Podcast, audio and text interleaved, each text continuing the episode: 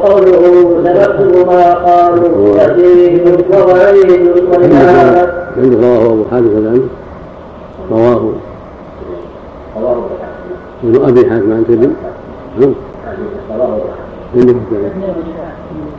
صلح عنه.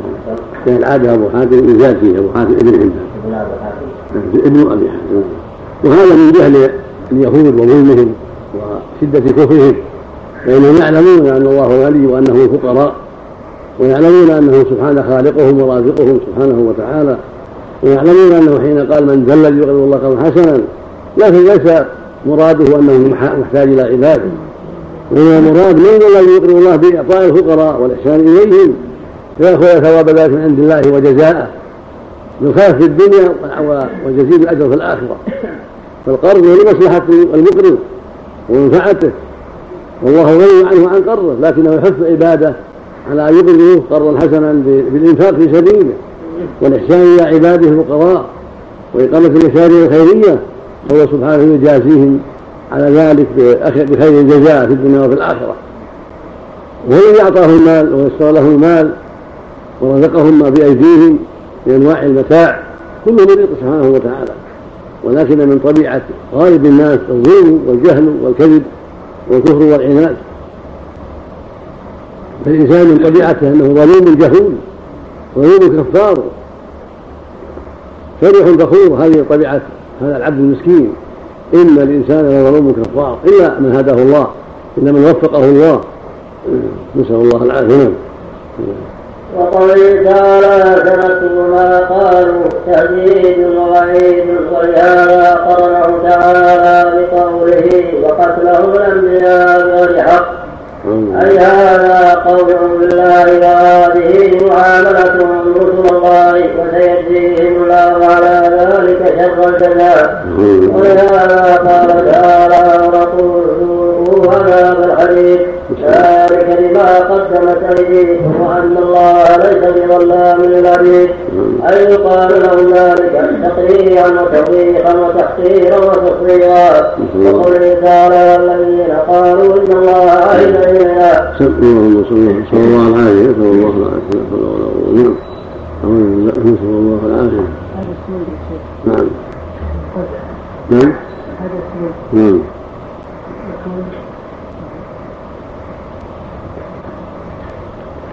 ابن حجير بتقديم المهملة مصغرة الباهلي أبو الفجعة نعم.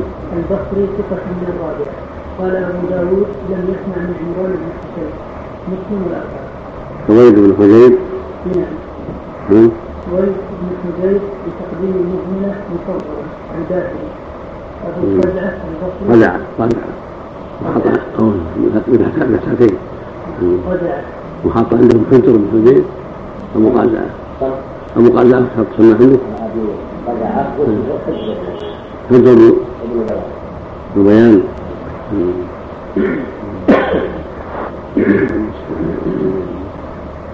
هذا ابو سويد بن حجير زاهري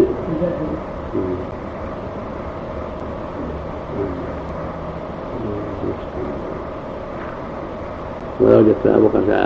هذا حجر البيان. ولا حجر البيان. موجود وقال ان شاء الله بسم الله الرحمن الرحيم. الحمد لله رب العالمين والصلاة والسلام على أشرف المرسلين. نبينا محمد وعلى آله وصحبه أجمعين. قال الإمام ابن كثير رحمه الله تعالى في تفسير قوله تعالى الذين قالوا إن الله عهد إلينا ألا نؤمن لرسول حتى يأتينا بقربان تأكله النار. يقول تعالى تكذيبا لهؤلاء الذين زعموا أن الله عهد إليهم في كتبهم ألا يؤمنوا برسل حتى ألا يؤمنوا لرسول حتى يكون من معجزاته أن من تصدق بصدقة من أمته فتقبلت منه أن تنزل نار من السماء تأكلها.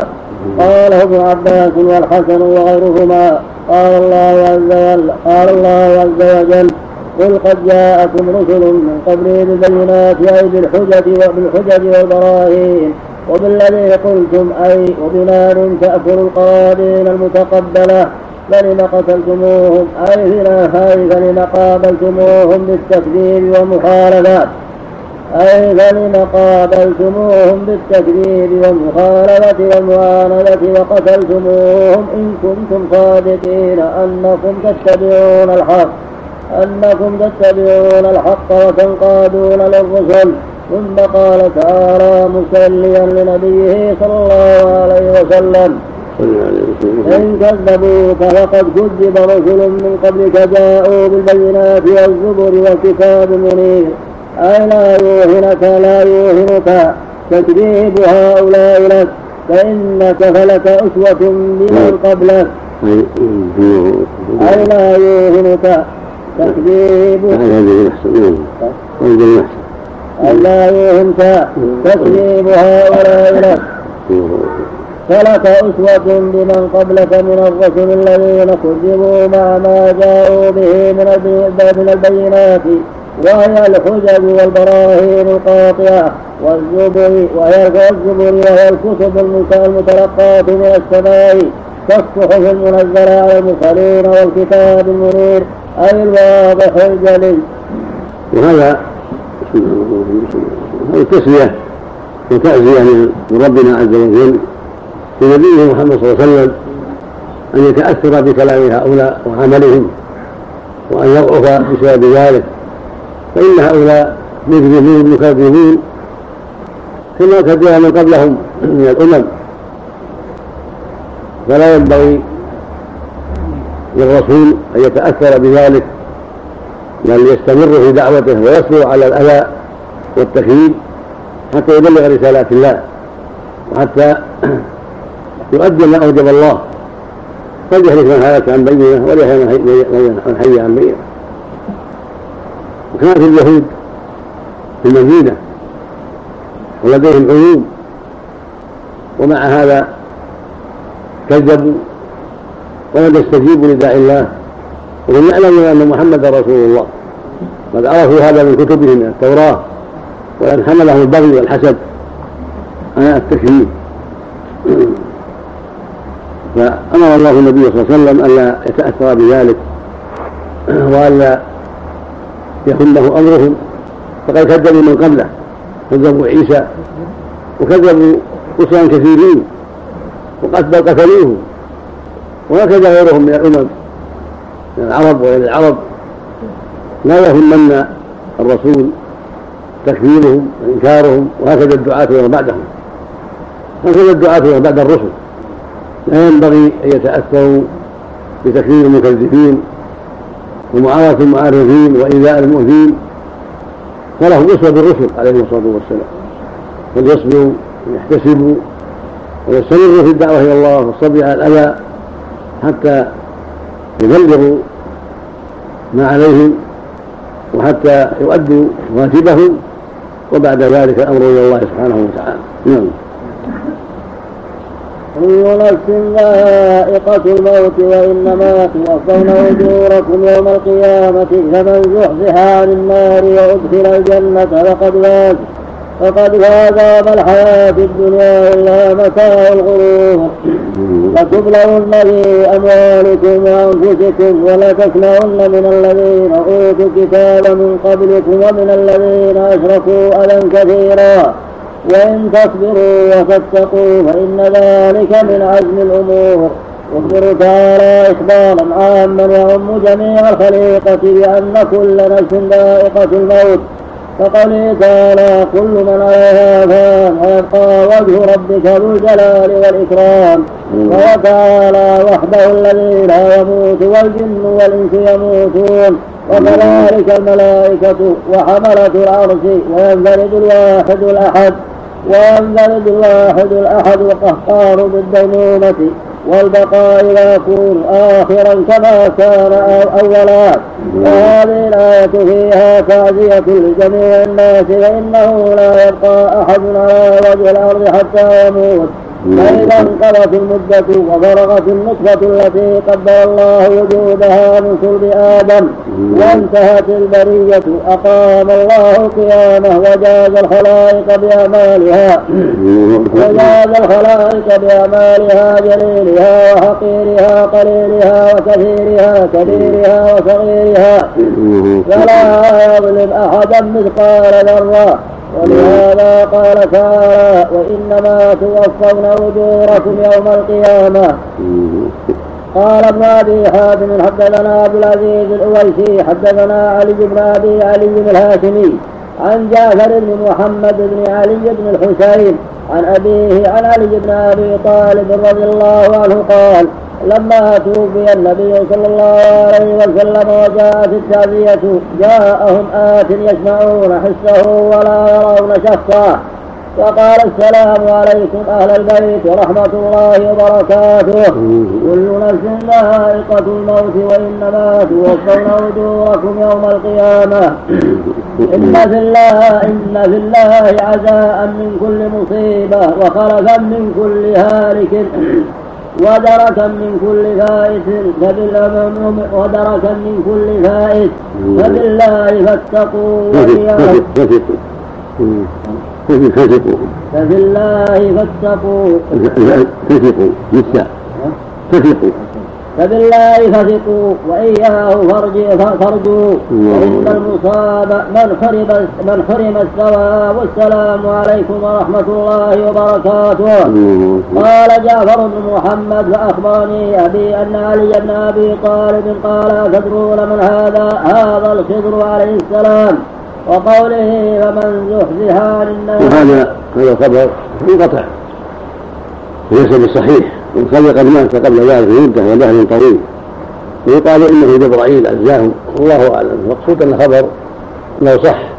والله أعلم. هل هو جبرائيل أو من الملائكة أو من مؤمن الجن للتعزية.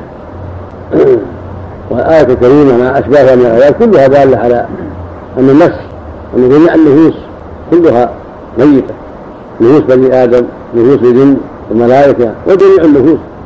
كل نفس ذائقة الموت. وإنما توفون أجوركم يوم القيامة. يعني الوفاة التوفية التامة يوم القيامة. ولقد يعطون في الدنيا ما شاءه الله من جزاء كما يجزي الكافر بأعماله الطيبة في الدنيا طعمة في الدنيا. وكما يجزى المؤمن ببعض أعماله في الدنيا ويعطى عليها في الآخرة. أيضا كذلك فضل الله لكن الجزاء كامل والتام والوافي كله يكون يوم القيامة. فمن زحزح عن النار ويدخل الجنة فقد فاز.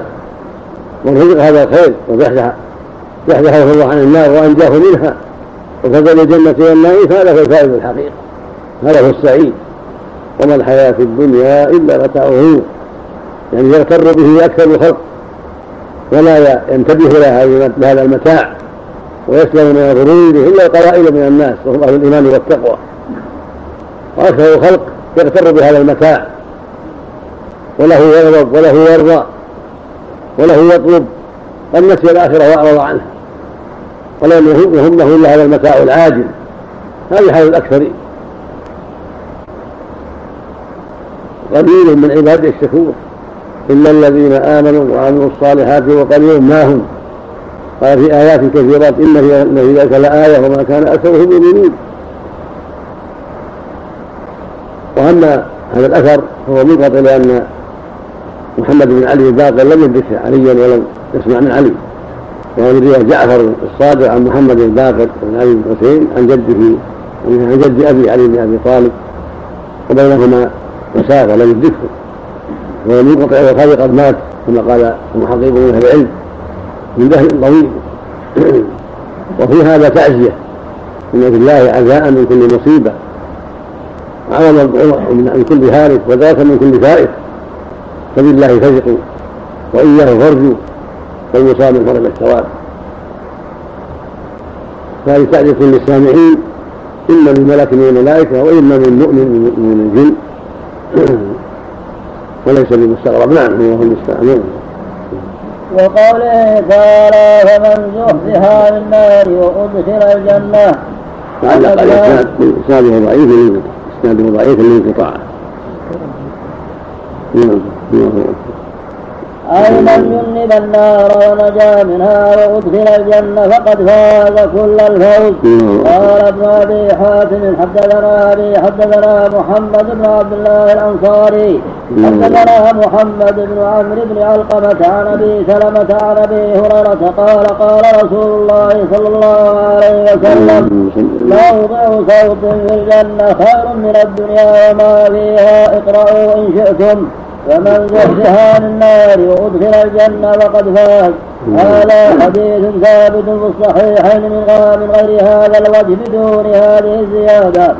وقد رواه بهذا ثابت في الصحيحين عن سهل بن سعد رضي الله عنه عن النبي صلى الله عليه وسلم قال رباط في سبيل الله خير من الدنيا وما عليها ونوع صوت أحد الجنة خير من الدنيا وما عليها والروح يروح في سبيل الله والغدو خير من الدنيا وما عليها. اللهم نعم وقد رواه بهذه الزيادة أبو حاتم وابن حبان في صحيح ما في ما في أبو حاتم بن حبان. أبو حاتم بن حبان نعم. وقد رواه بهذه الزيادة أبو حاتم بن حبان بن حبان في صحيحه. وقد رواه بهذه الزيادة أبو حاتم بن حبان في صحيحه والحاكم في والحاكم في مستدركه من حديث محمد بن عمرو هذا.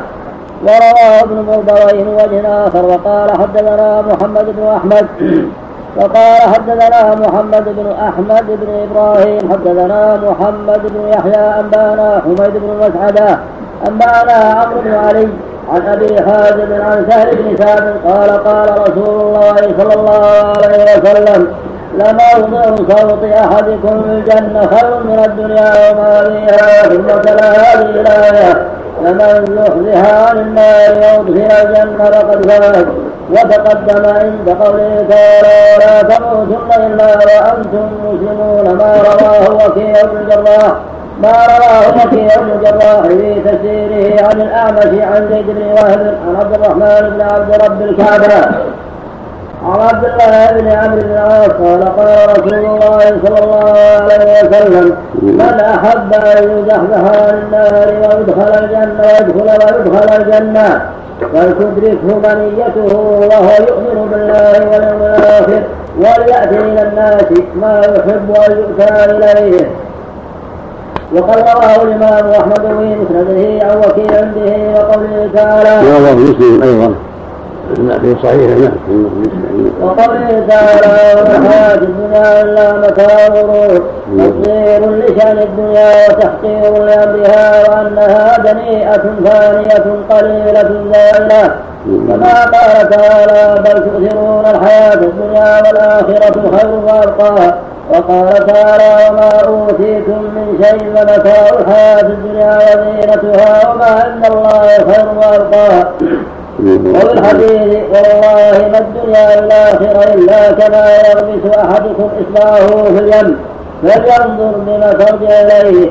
وقال قتادة في قوله تعالى وما الحياة الدنيا إلا متاع الغرور قال هي متاع متروكة أوشكت والله الذي لا إله إلا هو. أن تضمحل عن أهلها. وخذوه من هذا المتاع طاعة الله إن استطعتم ولا قوة إلا بالله. وقوله تعالى لتبلغن في أموالكم وأنفسكم. كقوله تعالى ولنبلونكم بشيء من الخوف والجوع ونقص من الأموال والأنفس والثمرات. والثمرات إلى آخر الآيتين أي لا بد أن يبتلى المؤمن في شيء من ماله أو نفسه أو ولده أو أهله ويبتلى المؤمن على قدر دينه. فإن كان في دينه صلابة زيد في البلاء ولتسمعن من الذين أوتوا كتابا من قبلكم ومن الذين أشركوا أذى كثيرا. يقول تعالى للمؤمنين عند مقدمهم المدينة قبل وقعة بدر مسليا لهم عما ينالهم من الأذى من أهل الكتاب والمشركين وآمرا لهم بالصفح والصبر والعفو حتى يفرج الله. وقال تعالى وإن تصبروا وتتقوا فإن ذلك من عزم الأمور. قال ابن أبي حاتم حدثنا أبي حدثنا أبو اليمان حدثنا شعيب حدثنا شعيب بن أبي حمزة. عن الزهري أخبرني عروه بن الزبير أن أسامة بن زيد أخبره قال كان النبي صلى الله عليه وسلم وأصحابه قال كان النبي صلى الله عليه وسلم وأصحابه يعفون عن المشركين وأهل الكتاب كما أمرهم الله ويصبرون على الأذى. قال الله تعالى ولتسمعن من الذين أوتوا الكتاب من قبلكم ومن الذين أشركوا اذى كثيرا قال وكان رسول الله صلى الله عليه وسلم يتأول في العفو ما أمره الله به حتى أذن الله فيه. هكذا ذكره مختصرا. وقد ذكره البخاري عند تفسير هذه الآية مطولا فقال حدثنا ابو اليمان انبانا شعيب عن الزهري أخبرني عروة بن الزبير أن أسامة بن زيد حدثه أن رسول الله صلى الله عليه وسلم ركب على حمار عليه عليه قطيفه فذكية وأردف أسامة بن زيد وراءه يعود سعد بن عبادة بن الحارث بن الخزرج قبل وقعة بدر حتى مضى على مجلس فيه عبد الله بن بن سلول وذلك قبل أن يسلم ابن أبي ابن أبي. وإذا في المجلس أخلاق. قبل أن يدخل الإسلام. ما أسلم ما كان كفر. يعني قبل أن يدخل الإسلام قبل أن ينافق.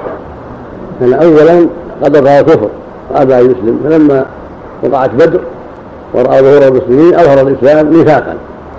وبقي على نفاقه حتى مات منافقا نسأل الله العافية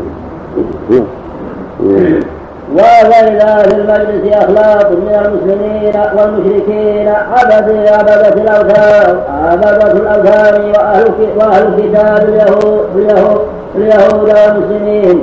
وإذا الله أكبر.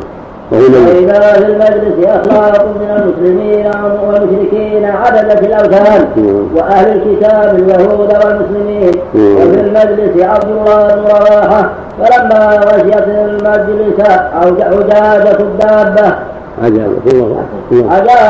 عجاجة الدابة.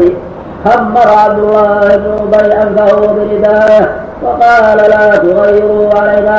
لا تغدروا وقال لا تغدروا علينا فسلم رسول الله صلى الله عليه وسلم. ثم وقف فنزل ودعاهم من الله عز وجل وقرا عليهم القرآن. وقال عبد الله بن أبي أيها المرء إنه لا لا أحسن مما تقول. إنه لا أحسن مما تقول. إن كان حقا فلا تؤذن به. في مجالسنا ارجع إلى رحلك فمن جاءك فاقصص عليه. وقال عبد الله بن رواحه رضي الله عنه بلى يا رسول الله فاغسنا به فاغسنا به فاغسنا به في مجالسنا فإنا نحب ذلك فاستب المسلمون والمشركون واليهود حتى كادوا يتثاورون ولم يزل النبي صلى الله عليه وسلم يخفضهم حتى سكتوا ثم ركب النبي صلى الله عليه وسلم دابته فسار حتى دخل على سعد بن عبادة. فقال له النبي صلى الله عليه وسلم يا سعد الم تسمع إلى ما قال أبو حباب يريد عبد الله بن أبي. قال كذا وكذا. وقال سعد يا رسول الله افعل واصفح هو الذي أنزل عليك الكتاب هو الذي أنزل عليك الكتاب. لقد جاءك الله بالحق الذي نزل عليك ولقد اصطلح أهل هذه البحيرة. البحيرة. البحيرة. وقرية يسمونها بحيرة. على, على هذه البحيرة على أن يتوجوه ويعصبوه بالعصابة. فلما أبى الله ذلك أبى الله ذلك بالحق الذي أعطاك. الله شرط بذلك ولا زال ذلك الذي فعل به ما رأيت فعفى عنه رسول الله صلى الله عليه وسلم. وكان رسول الله صلى الله عليه وسلم وأصحابه يكون على المشركين وعلى الكتاب كما أمرهم الله ويصبرون على الأذى قال الله تعالى ولا تسمعن من الذين أوتوا الكتاب من قبلكم ومن الذين أشركوا اذى كثيرا الايه قال تعالى ود كثير من أهل الكتاب لو يردونكم من بعد إيمانكم من بعد إيمانكم كفارا حسدا من عند أنفسهم بل تبين لهم الحق فاعفوا واصلحوا حتى يأتي الله بأمره الآية. وكان النبي صلى الله عليه وسلم يتاول في العفو ما أمره الله به حتى أذن الله له فيهم. فلما غزا رسول الله صلى الله عليه وسلم بدرا فقتل, فقتل الله به تناديد قريش. قال عبد الله بن بن سلول ومن معه من المشركين وعبدة الأوثان. هذا أمر قد توجه فبايعوا الرسول صلى الله فبايعوا الرسول صلى الله عليه وسلم على الإسلام. فبايعوا الرسول صلى الله عليه وسلم على الإسلام. فبايعوه. فبايعوا وأسلموا. وكل من قام بحق أو أمر بمعروف أو نهى عن منكر فلا بد أن يؤذى. فما له دواء إلا الصبر في الله والاستعانه بالله والرجوع إلى الله. هذا هو الواجب. الله اليه كانوا قد اصطلحوا أن يملكوه عليهم يجعله ملكا في المدينة ورئيسا في المدينة. فلما جاء الله بنبيه صلى الله عليه وسلم وهاجر المدينة ورأى أن الأمر قد فاته وزال وزال ما, ما أريد به شرق بالأمر. وكره مجيء النبي صلى الله عليه وسلم لأنه فوته هذه الولاية. ولم في نفسه من ذلك الشيء الكثير والعياذ بالله حتى وقعت بدر. فلما وقعت غزوة بدر قتل الله فيها صناديد قريش وكبارهم ورؤساءهم وظهر دين الله على أعدائه. قال الخبيث عبد الله بن ومن معه من المنافقين وعبادة الأوثان هذا أمر قد ظهر هذا دين قد توجه. وخافوا فبايع فقال فأمرهم يبايعوا فبايعوا. وأظهروا الإسلام. خوفا من أن يصيبهم ما أصاب غيرهم. جاء في أنفسهم النفاق والكبر والكراهة للحق حتى بات عبد الله على حاله منافقا. وصلى عليه النبي صلى الله عليه وسلم لإظهاره الإسلام فأنزل الله في حقه ولا تصلي على أحد من مات أبدا ولا تقم على قبره. إلا كفروا بالله ورسوله وهم فاسقون نسأل الله العافية. وهذا في عبرة وعظة وذكرى. وأن المؤمن داعي إلى الله لا يستنكر إلى أعداء الله. فقد آذوا الرسل قبله وآذوا أهل الإيمان قبله. فالواجب عليه يصبر ويحتسب ويمضي في سبيله في دعوته إلى الله.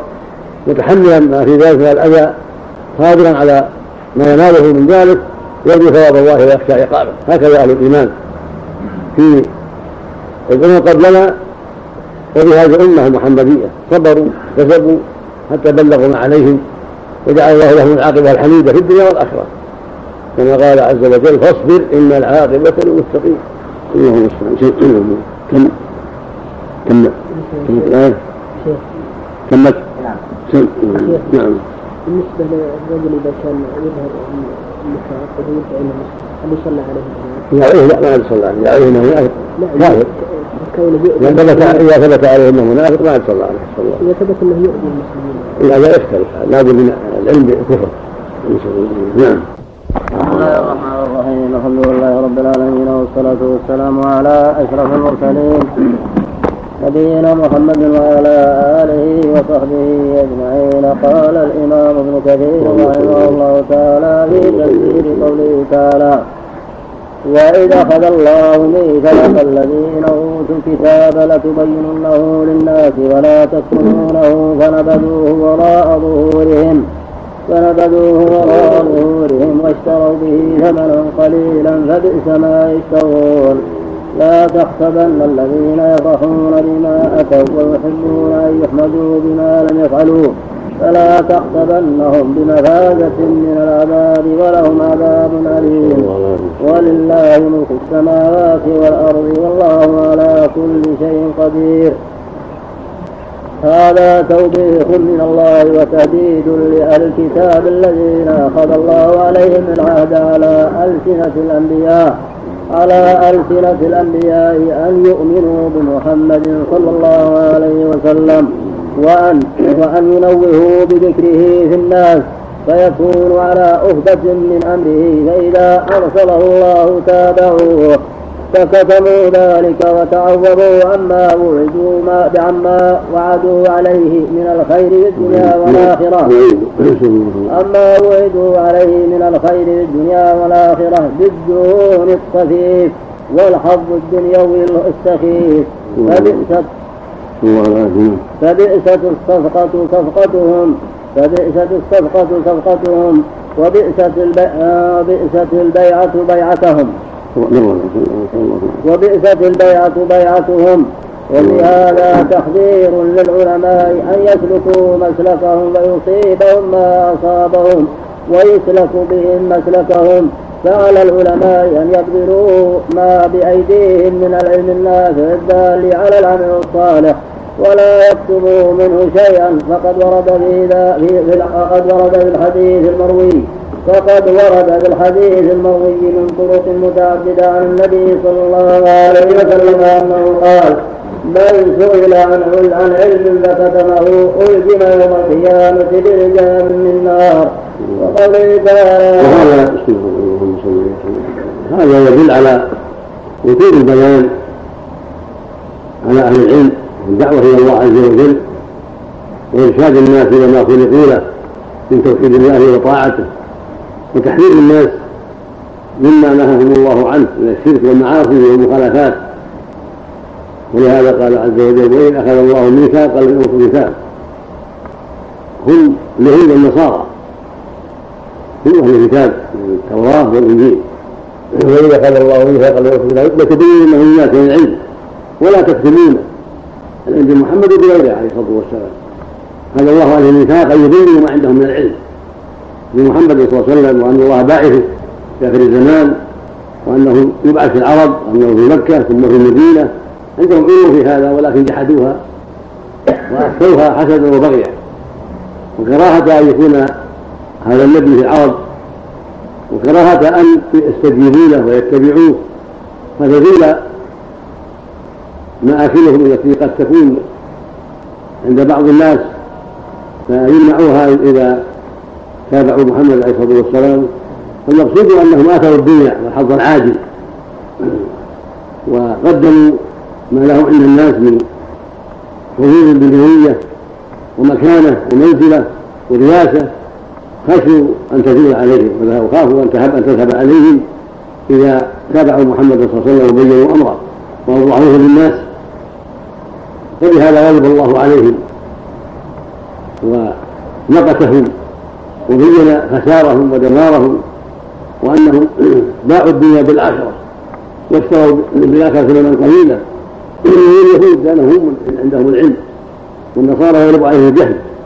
أما اليهود فعندهم العلوم كثيرة لكنهم ضيعوها وباعوها حوض عاجل ولم يستجيبوا لداعي الله عز وجل ولم يعملوا بعلمهم فخسروا الدنيا والآخرة.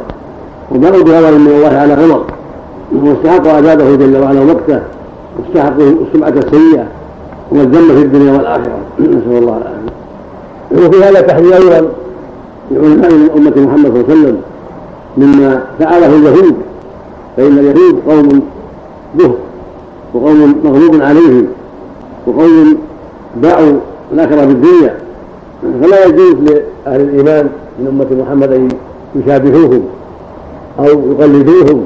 أو يسيروا على مسيرتهم أو يسلكوا مسلكهم. فإنه مسلك خبيث مسلك وخيم فالواجب على الأمة أن يحذروا ذلك ويبينوا ما عندهم من العلوم للناس ويشرحوها للناس ويوضحوها للناس. سئلوا أو لم يسألوا. وإذا سئلوا ولم ولم يجيبوا صار الأمر أشد. ولهذا في الحديث سئل عن علم فكتمه أجره الله يوم القيامة من النار. إذا كنت مسؤول عن علم علمه فكتمه أجره الله يوم القيامة برجال من النار. والله هذا قوله تعالى إنما يكتبون ما أنزلنا من البينات والهدى إلا من بعد ما بيناه للناس في الكتاب أولئك يعلمهم الله ويعلمهم اللائمون إلا إن تابوا وأصلحوا وبينوا فأولئك أتوب عليهم وأنا التواب الرحيم بين سبحانه وتعالى أن من كتب العلم ولم يبين يلعنه الله ويلعنه اللائم من خلقه وأنه لا يفهم من هذا إلا إذا كان هو أصلح وبين ما عنده. تاب الله وأصلح في عمله وبين ما عنده من العلم ما كتب ومعلوم أن الناس بحاجه إلى العلم. والطريق إلى الله لا بد أن يكون من طريق ما جاءت به رسله فإذا كتم الناس العلم لم يرث الناس هذا الطريق. ولم يتبينوه حتى يسلكوه فلا طريق إلى معرفة الطريق الذي يوصل إلى الله وإلى الجنة والكرامة إلا من طريق الرسل. إذا كتب العلماء ما عندهم من أين يعلم الناس الطريق؟ فالواجب والبيان والإيضاح في كل مكان وفي كل زمان. لما جاء به الرسول صلى الله عليه وسلم من العلم والهدى؟ بيان طريق الحق. الذي من سلكه نجا ومن تخلف عنه هلك والحذر من الكتمان لحظ عاجل فإن هذا هو طريق المغلوب عليهم. وهو طريق الضالين وطريق علماء السوء. فلا يجوز للمؤمن أن يتبعهم ولا ان يقلدهم في ذلك ولا ان يتشبه بهم في ذلك. نعم. وقوله تعالى لا تحسبن الذين يفرحون بما أتوا ويحبون أن يحمدوا بما لم يفعلوا الايه يعني بذلك المرائين المتكثرين بما لم يعطوا كما جاء الصحيحين عن النبي صلى الله عليه وسلم من ادعى دعوى كاذبة يتكثر بها لم تزده من الله إلا قلة.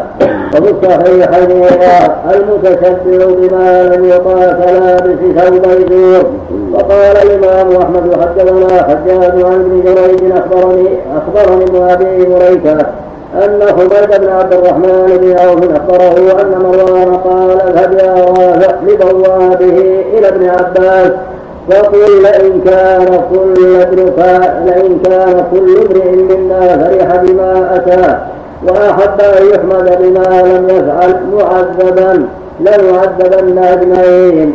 فقال ابن عباس ما لكم هذه إنما نزلت هذه في أهل الكتاب. ثم تلا ابن عباس وإذا أخذ الله ميثاق الذين أوتوا الكتاب لتبيننه للناس ولا تكتبونه ولا تكتمونه ونبذوه وراء ظهورهم واشتروا به ثمنا قليلا فبئس ما يشترون. لا تحسبن الذين يفرحون بما أتوا ويحبون أن يحمدوا بما لم يفعلوا الايه وقال ابن عباس سألهم النبي صلى الله عليه وسلم عن شيء فكتموه إياه وأخبروه بغيره فخرجوا قد اروه أن قد أخبروه بما سألهم عنه واستحمدوا بذلك إليه وفرحوا بما أوتوا من كتمانهم ما سألهم عنه. بما أتوا. بما أتوا من كتمانهم بما أتوا. بما فعلوا بما أتوا من كتمانهم ما سألهم عنه. وهكذا رواه البخاري للتفسير ومسلم والترمذي والنسائي في تفسيريهما. أبي حاتم وابن خزيمة والحاكم في مستدركه. وابن مردوي كلهم من حديث عبد الملك بن جريج بنحوه. وروى البخاري من حديث ابن جريج عن أبي مليكة عن علقمة بن وقاص أن مروان قال لبوابه اذهب يا رافع إلى ابن عباس ذكره. وقال البخاري حدثنا سعيد بن أبي مريم. بمعنى أن من فرح بما أتى من كلمة العلم وعدم بيان العلم أو بما أتى من المعاصي والبدع والخرافات وما يخالف أمر الله وأحب أن يحمد بما لم يفعل فهو مشبه باليهود في عملهم القبيح. فله عذاب أليم بما اتى من كتاب العلم وشبه بأعداء الله وفرحه بأشياء يتزين بها ويتظاهر بها وليس من أهلها إلى أن يسمعه نسأل الله العافية. وقال البخاري حدثنا سعيد بن أبي مريم أنبأنا محمد بن جعفر حدثني زيد بن أسلم عن عطاء بن يسار عن أبي سعيد الخدري أن رجالا من المنافقين في عهد رسول الله صلى الله عليه وسلم كانوا إذا خرج رسول الله صلى الله عليه وسلم كانوا إذا خرج رسول الله صلى الله عليه وسلم إلى الغزو تخلفوا عنه وفرحوا بمقعدهم خلاف رسول الله صلى الله عليه وسلم. فإذا قدم رسول الله صلى الله عليه وسلم من الغزو اعتذروا إليه وحلفوا وأحبوا أن يحمدوا وأحبوا أن يحمدوا بما لم يفعلوا. فنزلت لا تحسبن الذين يفرحون بما أتوا ويحبون أن يحمدوا بما لم يفعلوا الآية كذا رواه مسلم من حديث ابن أبي مريم بنحوه وقد رواه ابن مردوي تفسيره من حديث الليث بن سعد عن هشام بن سعد عن زيد بن أسلم. قال قال أبو سعيد ورافع بن خديج بن خديج ورافع بن خديج وزيد بن ثابت عند مروان. فقال يا أبا سعيد أرأيت قوله تعالى لا تحسبن الذين يفرحون بما أتوا ويحبون أن يحمدوا بما لم يفعلوا ونحن نفرح بما أتينا ونحب أن نحمد بما لم نفعل. فقال أبو سعيد إن هذا ليس من ذاك. إن ذا إنما ذاك أن ناسا من المنافقين يتخلفون إذا بات رسول الله صلى الله عليه وسلم باثا فإن كان فيه نسبة فرحوا بتخلفهم. وإن كان لهم نصر من الله وفتح حلفوا لهم ليرضوهم ويحمدوهم على سرورهم بالنصر والفتح. فقال مروان أين هذا من هذا؟ فقال أبو سعيد وهذا يعلم هذا. فقال مروان وقال فقال أبو سعيد وهذا يعلم هذا. نعم. فقال مروان أكذلك يا زيد؟ قال نعم صدق أبو سعيد. ثم قال أبو سعيد وهذا يعلم ذاك يعني رافع بن خديج ولكنه يخشى إن أخبرك أن تنزع خلائصه في الصدقة فلما خرجوا قال زيد لأبي سعيد الخدري ألا تحمدني على ما شهدت لك. ألا فقال زيد لأبي سعيد الخدري ألا تحمدني؟ تحمدني. ألا تحمدني على ما شهدت لك؟ فقال له أبو سعيد شهدت الحق. فقال زيد قال أولا تحمدني على ما شهدت لك؟ ثم رواه من حديث مالك عن زيد بن أسلم رافع بن خديج أنه كان هو إنه كان هو وزيد بن ثابت عند مروان بن الحكم وهو أمير على المدينة وقال مروان يا رافع في أي شيء نزلت هذه الآية فذكره. فذكره كما تقدم عن أبي سعيد رضي الله عنهم وكان مروان يبعث بعد ذلك يسأل ابن عباس حتى ما تقدم. فقال له ما ذكرناه. ولا منافاة بين ما ذكره ابن عباس وما قاله هؤلاء. لأن الآية عامة في جميع ما ذكر الله أعلم. يعني عامة في من؟ جحد الحق وأنكره وجحد ما فعله من الأشياء التي فعلها رياء وسمعة. ولا فرق بين ما فعله المنافقين من تخلفهم عن الغزو واعتذارهم بأشياء باطلة. يفرحون بما قالوا وهم ليسوا كذلك. فكل من جحد الحق وأنكره واستحسن الباطل أو ادعى ما ليس له زعم أنه فعله ودخل في هذا. فإن الواجب إظهار الحق وبيانه والدعوة إليه وعدم الرياء وعدم السمعة. ومن ستر الحق وأخفاه وأحب ما أتى من ذلك أو فعل الباطل وبينه للناس وأحب ما ما فعله من ذلك أو تظاهر بأعمال صالحة رياء وسمعة وأحب أن يحمد بما لم يفعل بأشياء أخرى لم يفعلها كل ذلك داخل في هذه الآية التي فيها التحريم وهو يعم عمل اليهود ويعم عمل المنافقين. نسأل الله العافية. أما كل إنسان يحب يحمد بما ظهر من الخير ولم يرائي الناس ولكنه بلغه الخير الذي فعله وبلغه أن الناس يثنون عليه ويرضون ما عمل ويشكرونه.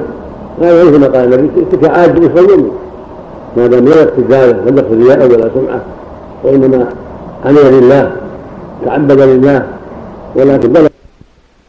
وكان مروان يبعث بعد ذلك يسأل ابن عباس كما تقدم؟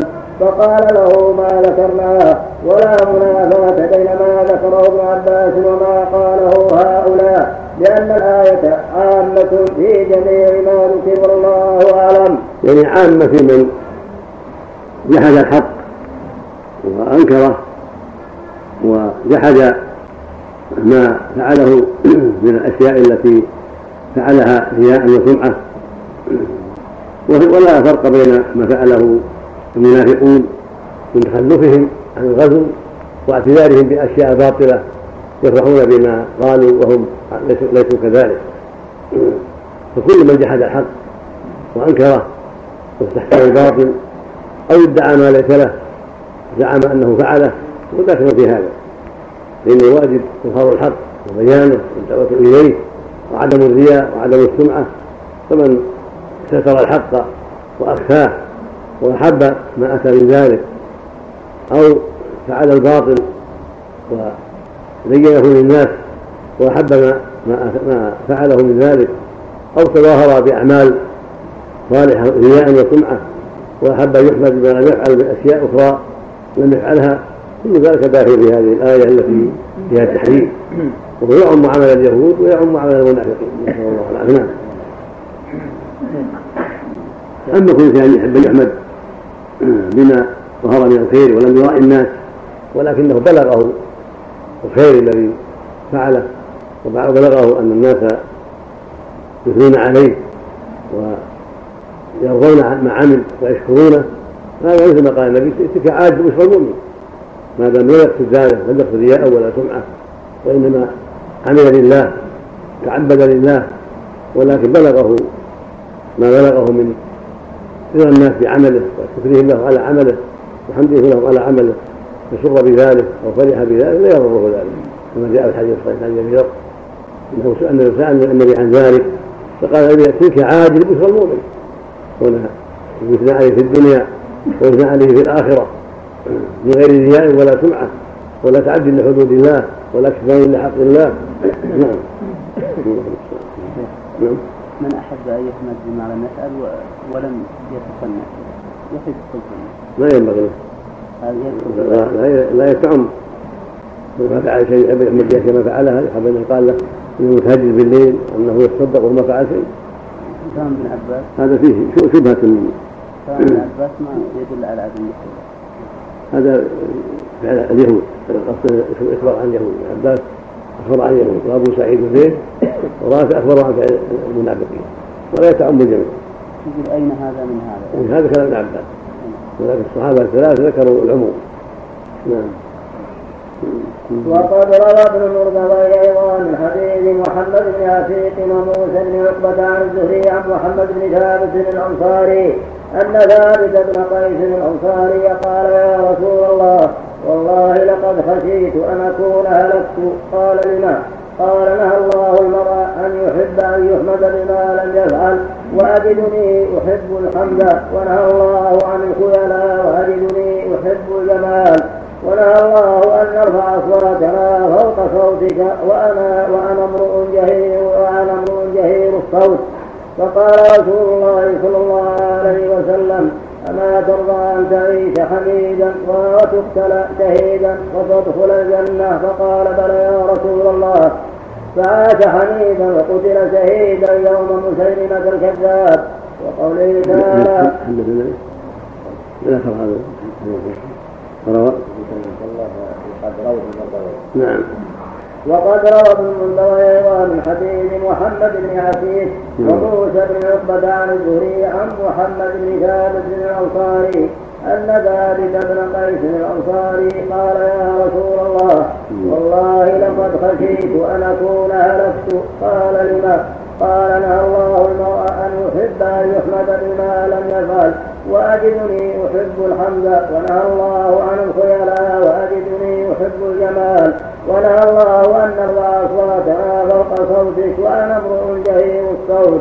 فقال رسول الله صلى الله عليه وسلم أما ترضى أن تعيش حميدا وتقتل شهيدا وتدخل الجنة? فقال بلى يا رسول الله فعاش حميدا وقتل شهيدا يوم مسيلمة الكذاب وقوله ليس من ذا ولهذا ما أنكر النبي صلى الله عليه وسلم عليه ذلك. فإن كونه يحب الحمد على ما فعل من خير وعلى ما فعل من معروف لا يضره ذلك لأنه يشجعه ويعينه. وكونه يحب الجمال ليس من الخيلاء. وقد سئل النبي عن هذا عليه الصلاة والسلام قال له رجل يا رسول الله الرجل يحب أن يكون ثوبه حسنا ونعله حسنا إن ذلك يتم قال لا. إن الله جميل يحب الجمال. الكبر بطر الحق وغمط الناس الكبر بطر الحق وغمط الناس. ليس محبة الجمال. وكذلك رفع الصوت. إذا كان لم يقصد برفع الصوت المخالفة.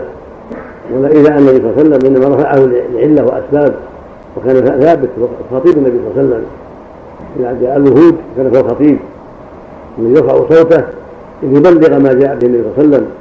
ويبين شمائل النبي وأخلاقه عليه الصلاة والسلام. ويبين محاسن الإسلام ومكارم الأخلاق. هذا ليس من ما بر على النبي صلى الله عليه وسلم بل هو من باب البلاغ ومن باب البيان عن رسول الله صلى الله عليه وسلم والدلالة على ما جاء في الاسلام من مكارم الأخلاق ومحاسن الأعمال التي يرغب الناس بالدخول فيه. وهكذا الخطيب في مسجده صلى الله عليه وسلم يخطب في الجمع والوعظ لإبلاغ الناس. ليس من رفع الصوت الذي نهي عنه. عند النبي عليه الصلاة والسلام نعم. وقوله تعالى ولا تحسبنهم بمفازة من العذاب يقرأ بالتاء على مخاطبة المفرد وبالياء على الإخبار عنهم. أي لا تحسبوا أنهم مهاجون من العذاب بل لا بد لهم منه. ولهذا قال تعالى ولهم عذاب أليم. قال تعالى ولله ملك السماوات والأرض والله على كل شيء قدير. أي هو مالك كل شيء والقادر على كل شيء. أي, أي هو مالك كل شيء والقادر على كل شيء. ولا يجده شيء. فهابوه ولا تخالفوه. واحذروا غضبه ونقمته فإنه العظيم الذي لا أعظم منه. القادر القدير الذي لا أقدر منه. سبحانه وتعالى لا إله إلا الله. اللهم صل وسلم اللهم صل نعم نعم. بسم الله الرحمن الرحيم الحمد لله رب العالمين والصلاة والسلام على أشرف المرسلين نبينا محمد وعلى آله وصحبه أجمعين. قال الإمام ابن كثير رحمه الله تعالى في تفسير قوله تعالى إن في خلق السماوات والأرض واختلاف الليل والنهار لآيات لأولي الألباب. الذين يذكرون الله قياما وقعودا وعلى جنوبهم ويتذكرون في خلق السماوات والأرض. ويتذكرون في خلق السماوات والأرض ربنا ما خلقت هذا باطلا سبحانك وقنا عذاب النار. ربنا إنك من تدخل النار فقد أخزيته وما للظالمين من أنصار. ربنا إننا سمعنا مناديا ينادي للإيمان أن آمنوا بربكم فآمنا. ربنا فاغفر لنا ذنوبنا وكفر عنا سيئاتنا وتوفنا مع الأبرار. ربنا وآتنا ما وعدتنا على رسلك ولا تخزنا يوم القيامة. إنك لا تخلف الميعاد. إنك لا تخلف الميعاد. قال الطبراني حدثنا الحسن الحسين بن إسحاق التستري. التستري. حدثنا يحيى الحماني حدثنا يعقوب بن القني حدثنا يعقوب بن القمي عن جعفر بن أبي المغيرة عن سعيد بن جبير عن ابن عباس. قال أتت قريش اليهود؟ فقالوا بم جاءكم موسى؟ قالوا عصاه ويده بيضاء للناظرين. واتوا النصارى فقالوا كيف كان عيسى؟ قالوا كيف كان يبرئ الأكمه والأبرص ويحيي الموتى؟ فأتوا النبي صلى الله عليه وسلم فقالوا ادعوا الله أن يجعل لنا الصفا ذهبا. أن يجعل لنا الصفا ذهبا. فدعا ربه فنزلت هذه الآية إن في خلق السماوات والأرض واختلاف الليل والنهار لآيات لأولي الألباب. فليتذكروا فيها وهذا مشكل فإن هذه الآية مدنية. فإن هذه الآية مدنية وسؤالهم أن يكون الصفا ذهبا كان بمكة والله أعلم.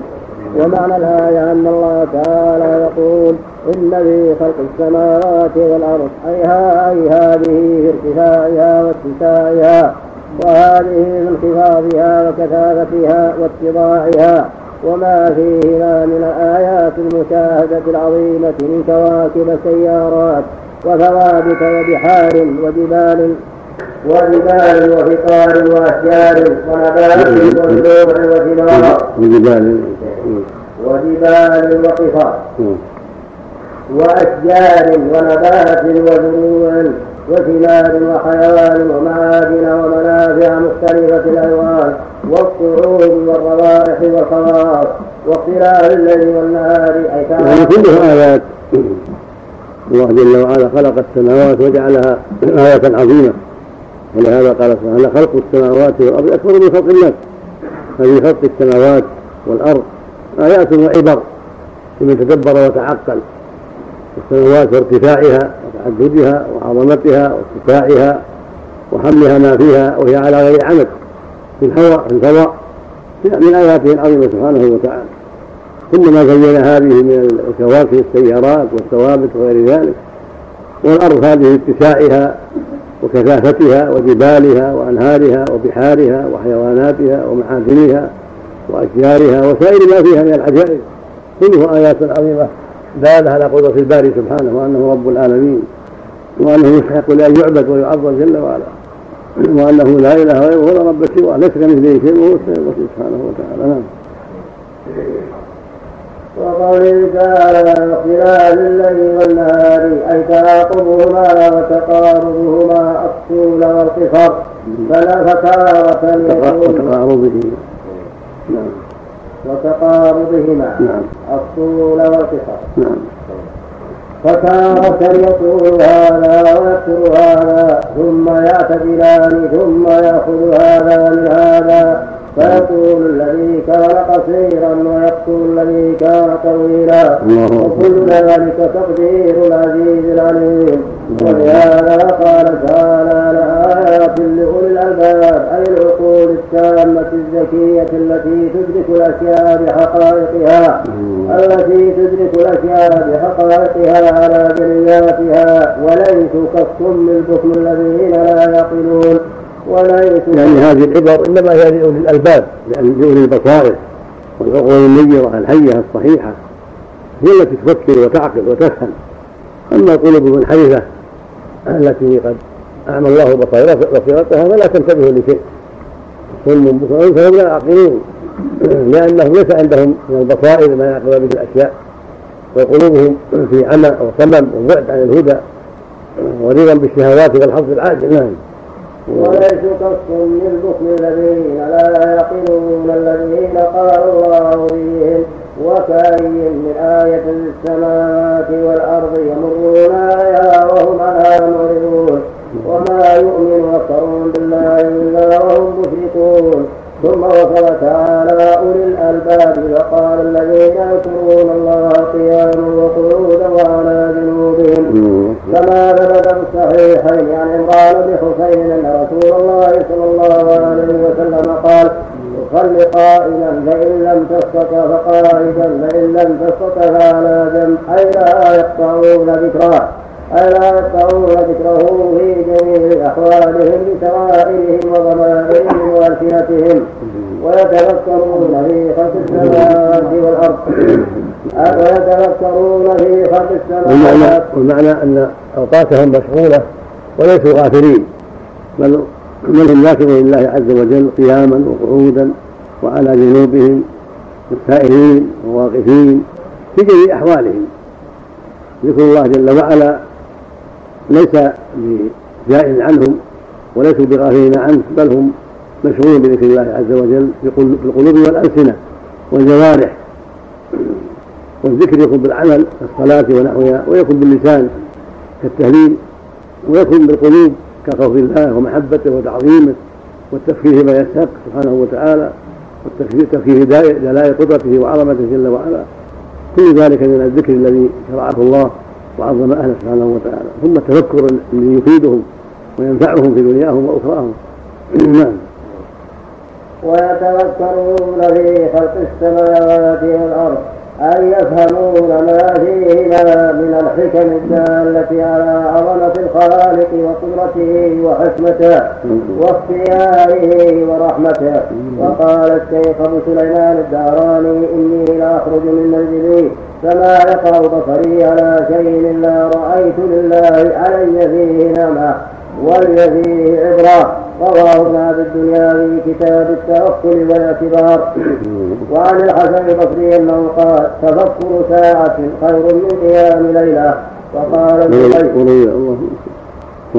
وعن الحسن البصري أنه قال تفكر ساعة خير من قيام ليلة. وقال الخبير قال الحسن الفكرة مرآة تريك حسناتك وسيئاتك.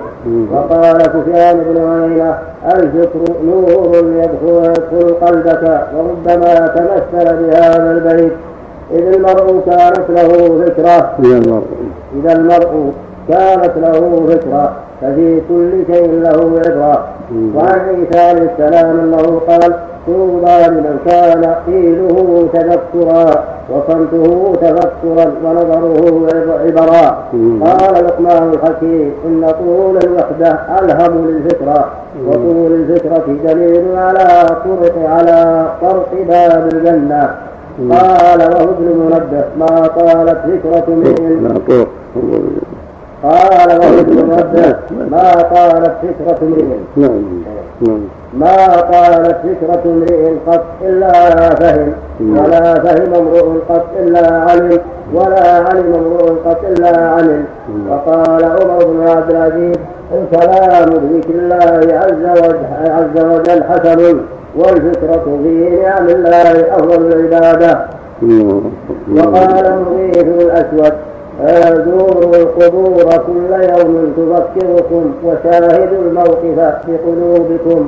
وانظروا إلى المنصرف بالفريقين إلى الجنة أو النار.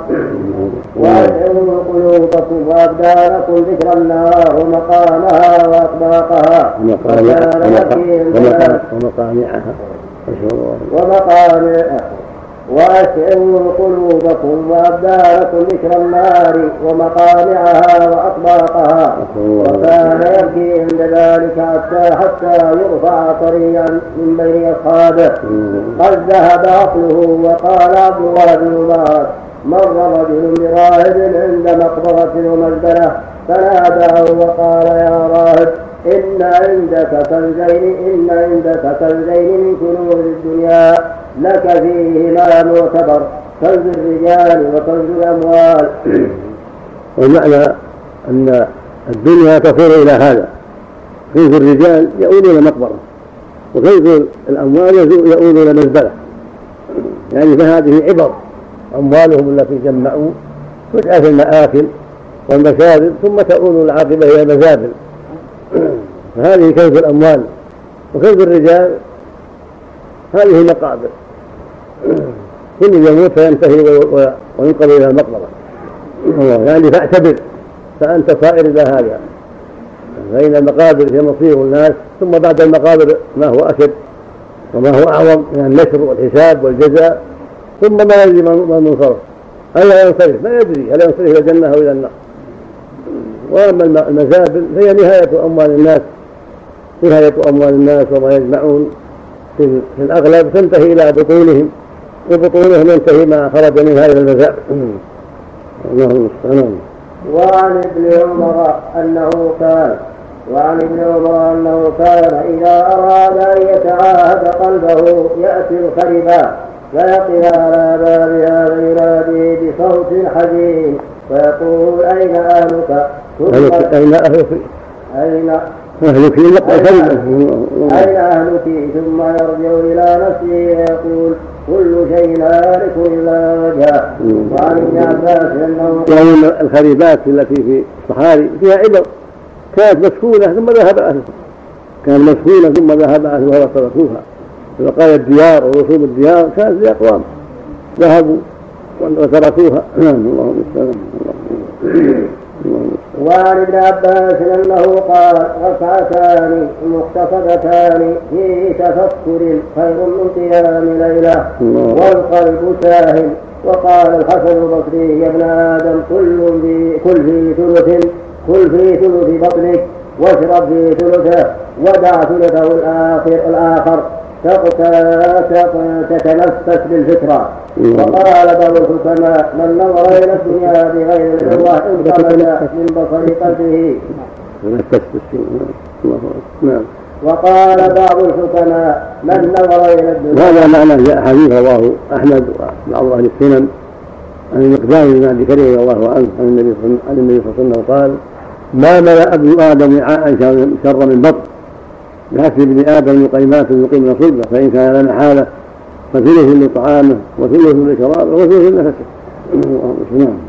وقال بعض الحكماء من نظر إلى الدنيا بغير العبرة انطمس من بصر قلبه بقدر تلك الغفلة وقال بشر بن الحارث الحادي لو تفكر الناس في عظمة الله تعالى لما عصوه.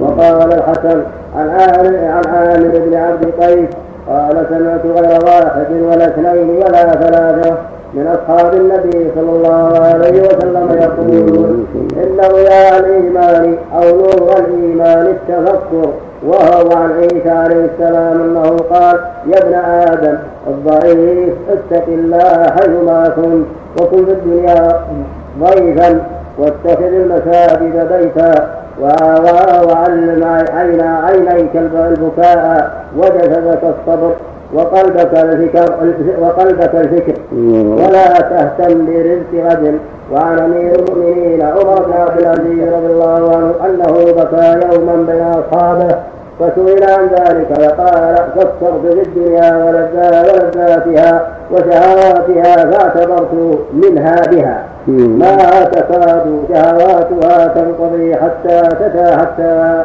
تكدرها مرارتها. ولئن لم يكن فيها عبرة لمن اعتبر إن فيها مواعظ لمن ادكر. وقال ابن عبد الدنيا أنشدني الحسين بن عبد الرحمن نزهة المؤمن الفكر لذة المؤمن العبر. نحمد الله وحده نحن كل على خطر. رب لاه وعمره قد تقضى وما شعر رب لاه رب لاه وعمره قد تقضى وما شعر وما شعر رب عيش قد كان. فوق المنى مغلق الزهر في سرير من العيون وظل من الشجر وسرور من النبات وطيب من الثمر غيرته وأهله سرعة الدهر غيرته غيرته غيرته. غيرته وأهله سرعة الدهر بالغير نحمد الله وحده. إن في ذا المعتبر. إن في ذا إن في ذا المعتبر لم أعتبر. إن في ذا لم أعتبر. الله إن في ذا لم يعتبر إن في ذا لعبرة من اعتبر الله أكبر. وقدم الله تعالى من لا يعتبر بمخلوقاته الدالة على ذاته وصفاته ضيفا ضيفا ضيفا قراءة ضيفا ضيفا يعني في ذاك أنك قريب أو عابر سبيل قال ابن عمر إلا قال ابن عمر وقدم الله تعالى من لا يعتبر بمخلوقاته الدالة على ذاته وصفاته وشره وقدره وآياته وقال وكأي من آية في السماوات والأرض وقد جم الله سم اللهم اللهم نعم في سنة الطبراني سنة الطبراني أول ما قرأت قال الطبراني حدث حسين. أول شيء. حدثنا حسين بن إسحاق السكري. حدثنا يحيى الحماني حدثنا يعقوب الحمي عن جعفر بن أبي المغيره عن سعيد بن جبير عن في هذا الحديث ذكره هنا مثل ما قال المؤلف غريب وفيه يحيى الحماني ليس بذلك. تقريب حاضر نعم. حاضر تقريب. نعم. المفرد. نعم مفردة نعم سم نعم. بسم الله الرحمن الرحيم. الحمد لله رب العالمين والصلاة والسلام على أشرف المرسلين. نبينا محمد وعلى آله وصحبه أجمعين. قال الإمام ابن كثير رحمه الله تعالى وقد ذم الله تعالى من لا يعتبر بمخلوقاته الدالة على ذاته وصفاته وشرعه وقدره وآياته فقال تعالى وكأي من آية في السماوات والأرض يمرون عليها وهم معرضون وهم عنها معرضون وما يؤمن أكثرهم بالله إلا وهم مشركون. ومدح عباده المؤمنين الذين يذكرون الله قياما وقعودا وعلى جنوبهم ويتفكرون في خلق السماوات والأرض قائلين ربنا ما خلقت هذا باطلا أي ما خلقت هذا الخلق عبثا بل بالحق لتجزي الذين أساءوا بما عملوا وتجزي الذين أحسنوا بالحسنى. ثم نزهوه عن العبث وخلق الباطل فقالوا سبحانك أي عن أن تخلق شيئا باطلا. فقنا عذاب النار. أي يا من خلق الخلق بالحق والعدل. وهذا يبين وهذا يبين أن الذي ينبغي لأهل الإيمان أن يكون لهم عناية بهذه الآيات. والتفكر في الحكمة. حتى يستفيدوا من ذلك ما يجب لهم الخضوع لله والاستقامة على أمره والمحافظة على دينه والحذر مما نهى عنه سبحانه وتعالى. فإن هذه السماوات وهذه الأرض وما فيها من العجائب والمخلوقات المتنوعة كلها من الدلائل على قدرته العظيمة وأنه رب العالمين وأنه الخلاق العليم وأنه يستحق لا يعبد سبحانه وتعالى. ولهذا قال في سورة أولي الألباب الذين يذكرون الله قياما وقعودا وعلى جنوبهم ويتفكرون في خلق السماوات والأرض. ربنا ما خلقت هذا باطلا. يقولون ربنا ما خلقت هذا باطلا سبحانك فقنا عذاب النار. وذم جهله وكفر فقال وكم من آية في السماوات وكأي من آية في يمرون عليها وهم عنها معرضون. يعني هناك آيات في السماوات هذه النجوم كواكب السيارة والثابتة وهذه الشمس وهذا القمر آيات وعجائب وعبر ولكن ليس هناك من يعتبر ويتأمل ويتعظ إلا القليل ولهذا قال وكان من آية وكأي من آية وكأي كثير يعني آيات كثيرة. فإن عبارة وكم وكأي كلها تدل على الكثرة. المعنى آيات كثيرات في الأرض يمرون عليها لينظرون إليها ويشاهدونها بأعينهم ولكن لا يتأملون ولا يتدبرون ولا يتعقلون كأنهم ما رأوا شيئا. وهذا من غلظ القلوب وجهالتها وعدم عنايتها بما ينبغي لها أن تعتني به. والمعنى الحث على الإقبال على تدبر هذه المخلوقات والنظر فيها بعين الاعتبار والاستفادة منها وانها لم تخلق عبثا ولا سدى ولكن خلقت لحكمة عظيمة ليعتبر بها أولو الألباب وليستفيدوا منها عظمة الخالق. سبحانه وأنه مستحق لا يعبد ويعظم ويطاع أمره وينتهى عن نهيه. ولهذا قال في أخرى والذين كفروا عما أنذروا معرضون. ليس لهم عناية ولا تدبر ولا تعقل. والله يقول جل وعلا في أخرى كتاب أنزلناه لك مبارك ليدبروا آياته وليتذكر أولو الألباب. وهنا يقول وكأي من آية السماوات والأرض يمرون عليها وهم عنها معرضون وما يبغي أكثرهم بالله إلا وهم مشركون. هي آيات متعددة كثيرة لكن لا يتبصرون بها ولا يتدبرونها ولا ينظرون فيما خلقت لأجله حتى يستفيدوا وحتى ينتبهوا وحتى تكون لا تكون هذه الآيات مقترنه لخضوعهم لله وتعظيمهم له وذلهم بين يديه واستكانتهم له سبحانه وتعالى وأدائهم حقه ووعدهم عما يغضب سبحانه وتعالى. نعم. وقوله تعالى فقنا عذاب النار أي يا من خلق الخلق بالحق والعدل يا من هو منزه عن النقائص والعيب والعبث قنا من عذاب النار بحولك وقوتك وقيدنا لأعمال ترضى بها عنا ووفقنا لعمل صالح تهدينا به إلى جنات النعيم وتجيرنا به من عذاب من عذابك الأليم. ثم قالوا ربنا إنك من تدخل النار وقد أخزيته أي أهنته وأظهرت خزيه لأهل الجمع وما للظالمين من أنصار أي يوم القيامة لا مجير لهم منك ولا محيد لهم عما أردت بهم. ربنا إننا سمعنا مناديا يعني ما هناك ما هناك خزي أعظم من خزي من سيق إلى النار على رؤوس الأشهاد من سيق إلى النار على رؤوس الأشهاد فقد أخزي غاية الخزي نسأل الله. ربنا إنك من تدخل النار فقد أخزيته هي رحمة على رؤوس الأشهاد بسبب كفره ومعاصيه وضلاله. فينبغي العاقل أن يحذر هذه الفضيحة وهذا الخزي يوم القيامة وذلك بالاستقامة على أمر الله بالحذر من معاصيه وبالوقوف عند حدوده حتى يكون من وفد الجنة ومن السعداء. ومن يغفر الله له يوم القيامة الفضل العظيم. والصفات الحميدة والآيات التي تدل على كمال استقامته وكمال خضوعه لله وعلى فضل قيامه بحقه سبحانه وتعالى. فأهل الفضائل تيسر لهم آيات الفضائل ودلائل الفضائل وما يدل على سعادتهم ونجاتهم وينادى سعيد فلان ابن فلان. بخلاف أولئك الضالين الذين نادى عليهم بالخزي والدمار نسال الله العافيه والفضائح. ولهذا في الحديث الصحيح صلى الله عليه وسلم يرفع لكل غادر لواء يوم القيامة. لواء. في البيض عند اسمه عند عند مقعدته. يقال له هذه غادرة فلان بن فلان. يرفع له لواء لواء. ينظر إليه ويشاهد. علامة على أنه كان في الدنيا غادرا ناقضا العهود غير مستقيم على أمر الله نسأل الله العافية. نعم. وقوله تعالى ربنا إننا سمعنا مناديا ينادي للإيمان أي داعيا يدعو إلى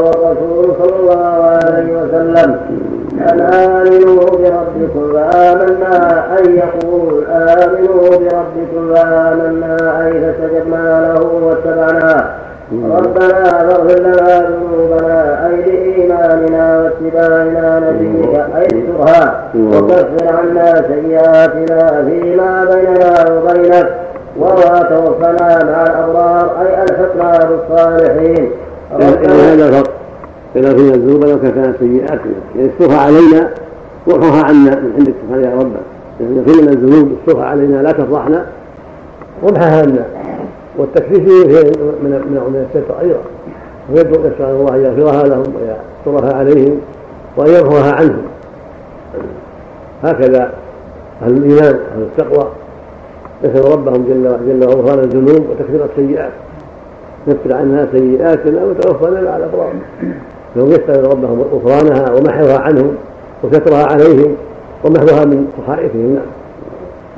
وقال تعالى ربنا وآتنا ما وعدتنا على رسلك قيل معناه على الإيمان برسلك وقيل معناه على ألسنة رسلك وهذا أظهر. وقد قال الإمام أحمد حدثنا أبو اليمان حدثنا إسماعيل بن عياش عن عمرو بن محمد عن أبيه قال عن أنس بن مالك قال قال رسول الله صلى الله عليه وسلم عسقلان أحد العروسيين. مرتين العروسين أحد العروسين يبعث الله منها.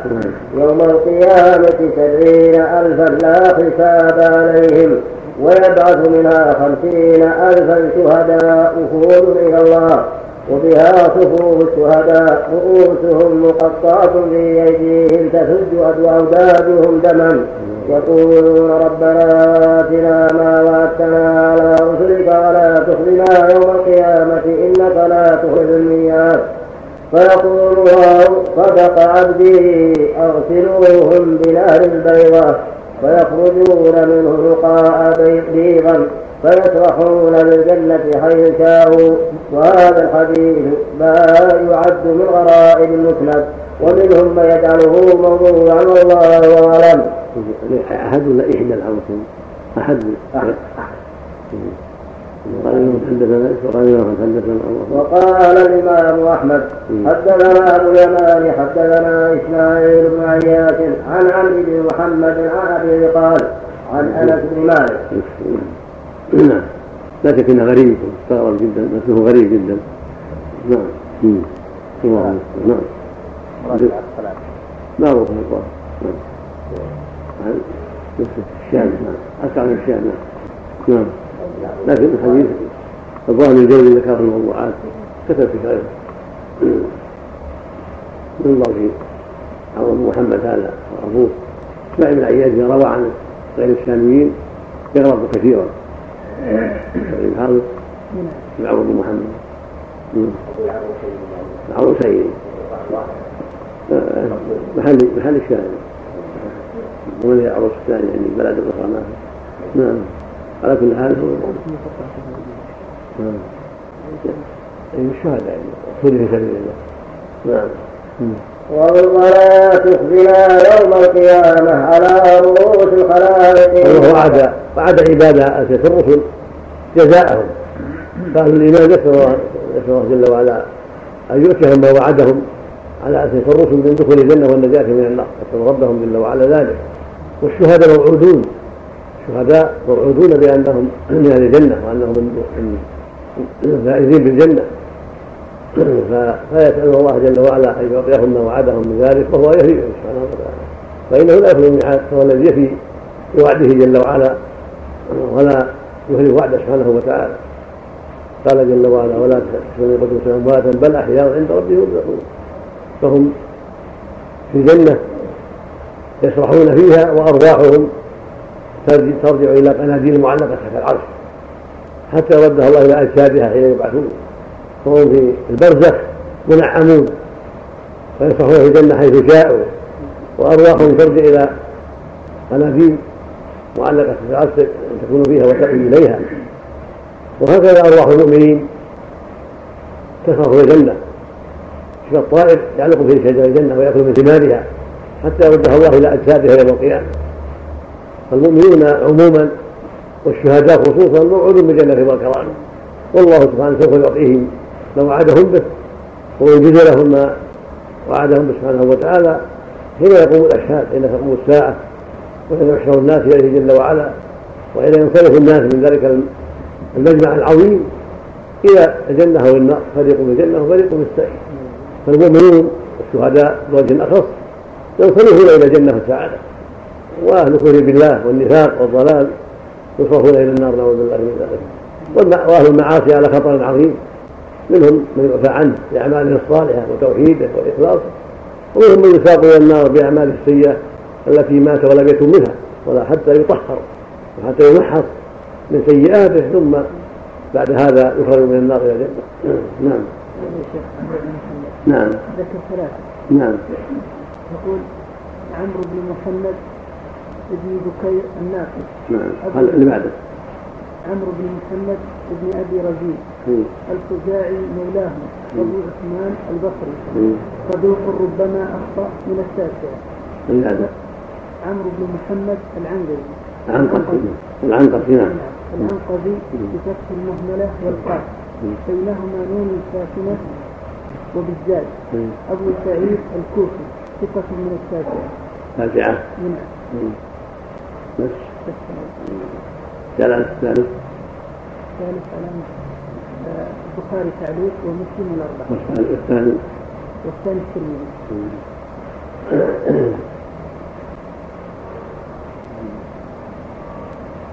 يراجع أو يراجع في الرجال يعني يبين من ولي يروي عن أبيه الاثنين هذا أو يكون قال الرابع لسان الإمام.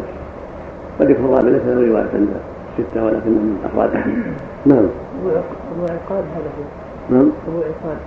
نعم. حكم عليه بالترك نعم. أبو عقاب. إذا رواية في الميزان وغيره وفي تعجيل من بعد رجال أحمد. نعم. وقوله تعالى تخزنا يوم القيامة على رؤوس الخلائق إنك لا تخلف الميعاد أي لا بد من الميعاد الذي أخبرت عنه رسلك وهو القيام. أخبرت عنه. الذي أخبرت عنه رسلك وهو القيام يوم القيامة بين يديك وقد قال الحافظ أبو يالا حدثنا حافظ أبو شريح حدثنا المتمع حدثنا الفضل بن عيسى حدثنا محمد بن المنكدر أن جابر بن عبد الله حدثه أن رسول الله أن رسول الله صلى الله عليه وسلم قال العار والتخزية تبلغ من ابن آدم في القيامة في المقام بين يدي الله عز وجل. ما يتمنى العبد أن يؤمر به إلى النار حديث غريب. وقد ثبت أن رسول الله صلى الله عليه وسلم كان يقرأ هذه الآيات العشر من آخر آل عمران. إذا قام من الليل بتهجده فقال البخاري رحمه الله حدثنا سعيد بن مريم. حدثنا محمد. سعيد بن سعيد بن مريم أبي مريم. ابن أبي مريم نعم. ابن ابي مريم نعم حدثنا سعيد بن أبي مريم حدثنا محمد بن جعفر أخبرني شريك بن عبد الله بن أبي نمر عن كريم عن ابن عباس رضي الله عنهما قال لست عند خالتي ميمونة فتحدث رسول الله صلى الله عليه وسلم مع أهله ساعة ثم رقد.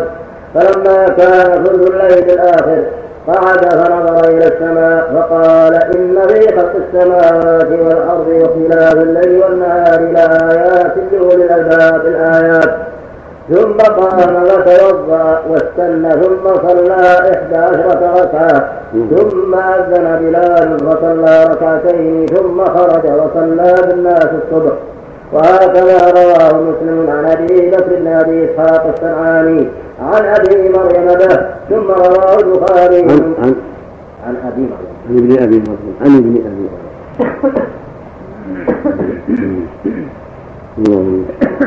عن ابن ابي مريم ثم رواه البخاري من طرق عن مالك عن مخرمة بن سليمان عن كريب أن ابن عباس أخبره أنه بات عند ميمونة زوج النبي صلى الله عليه وسلم وهي خالته.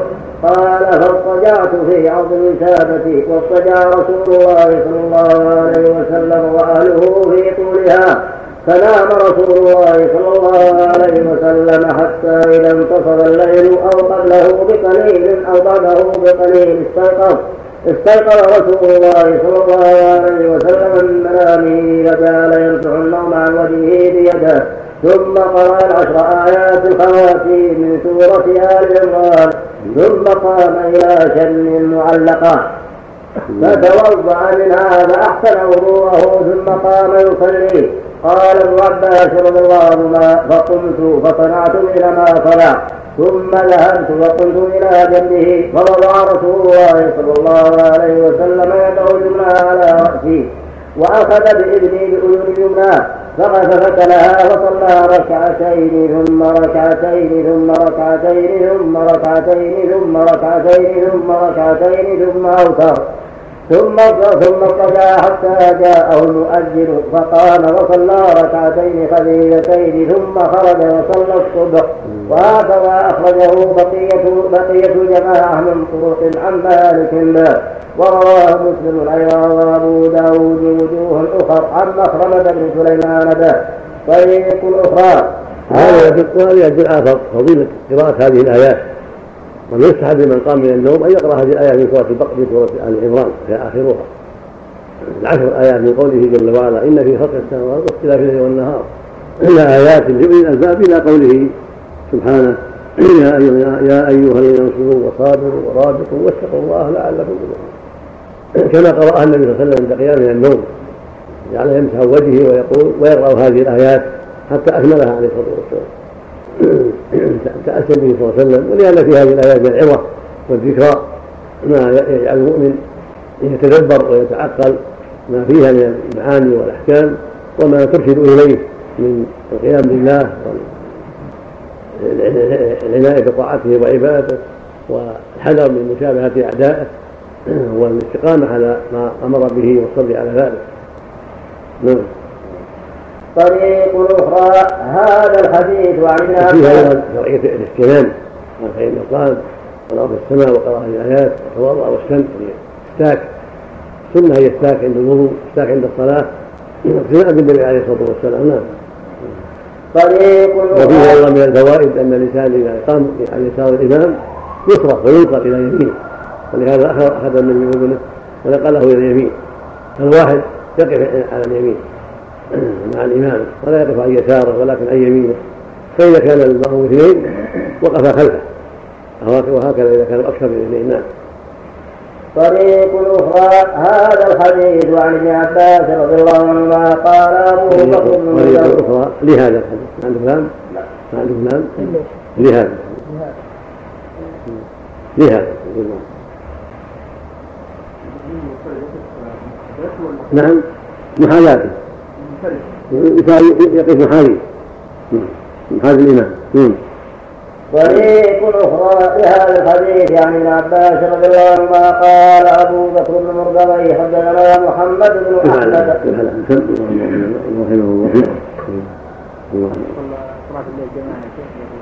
نعم لا بأس لكن لا يكون يعني عادة إنما حسب الاتفاق والمصادفة نعم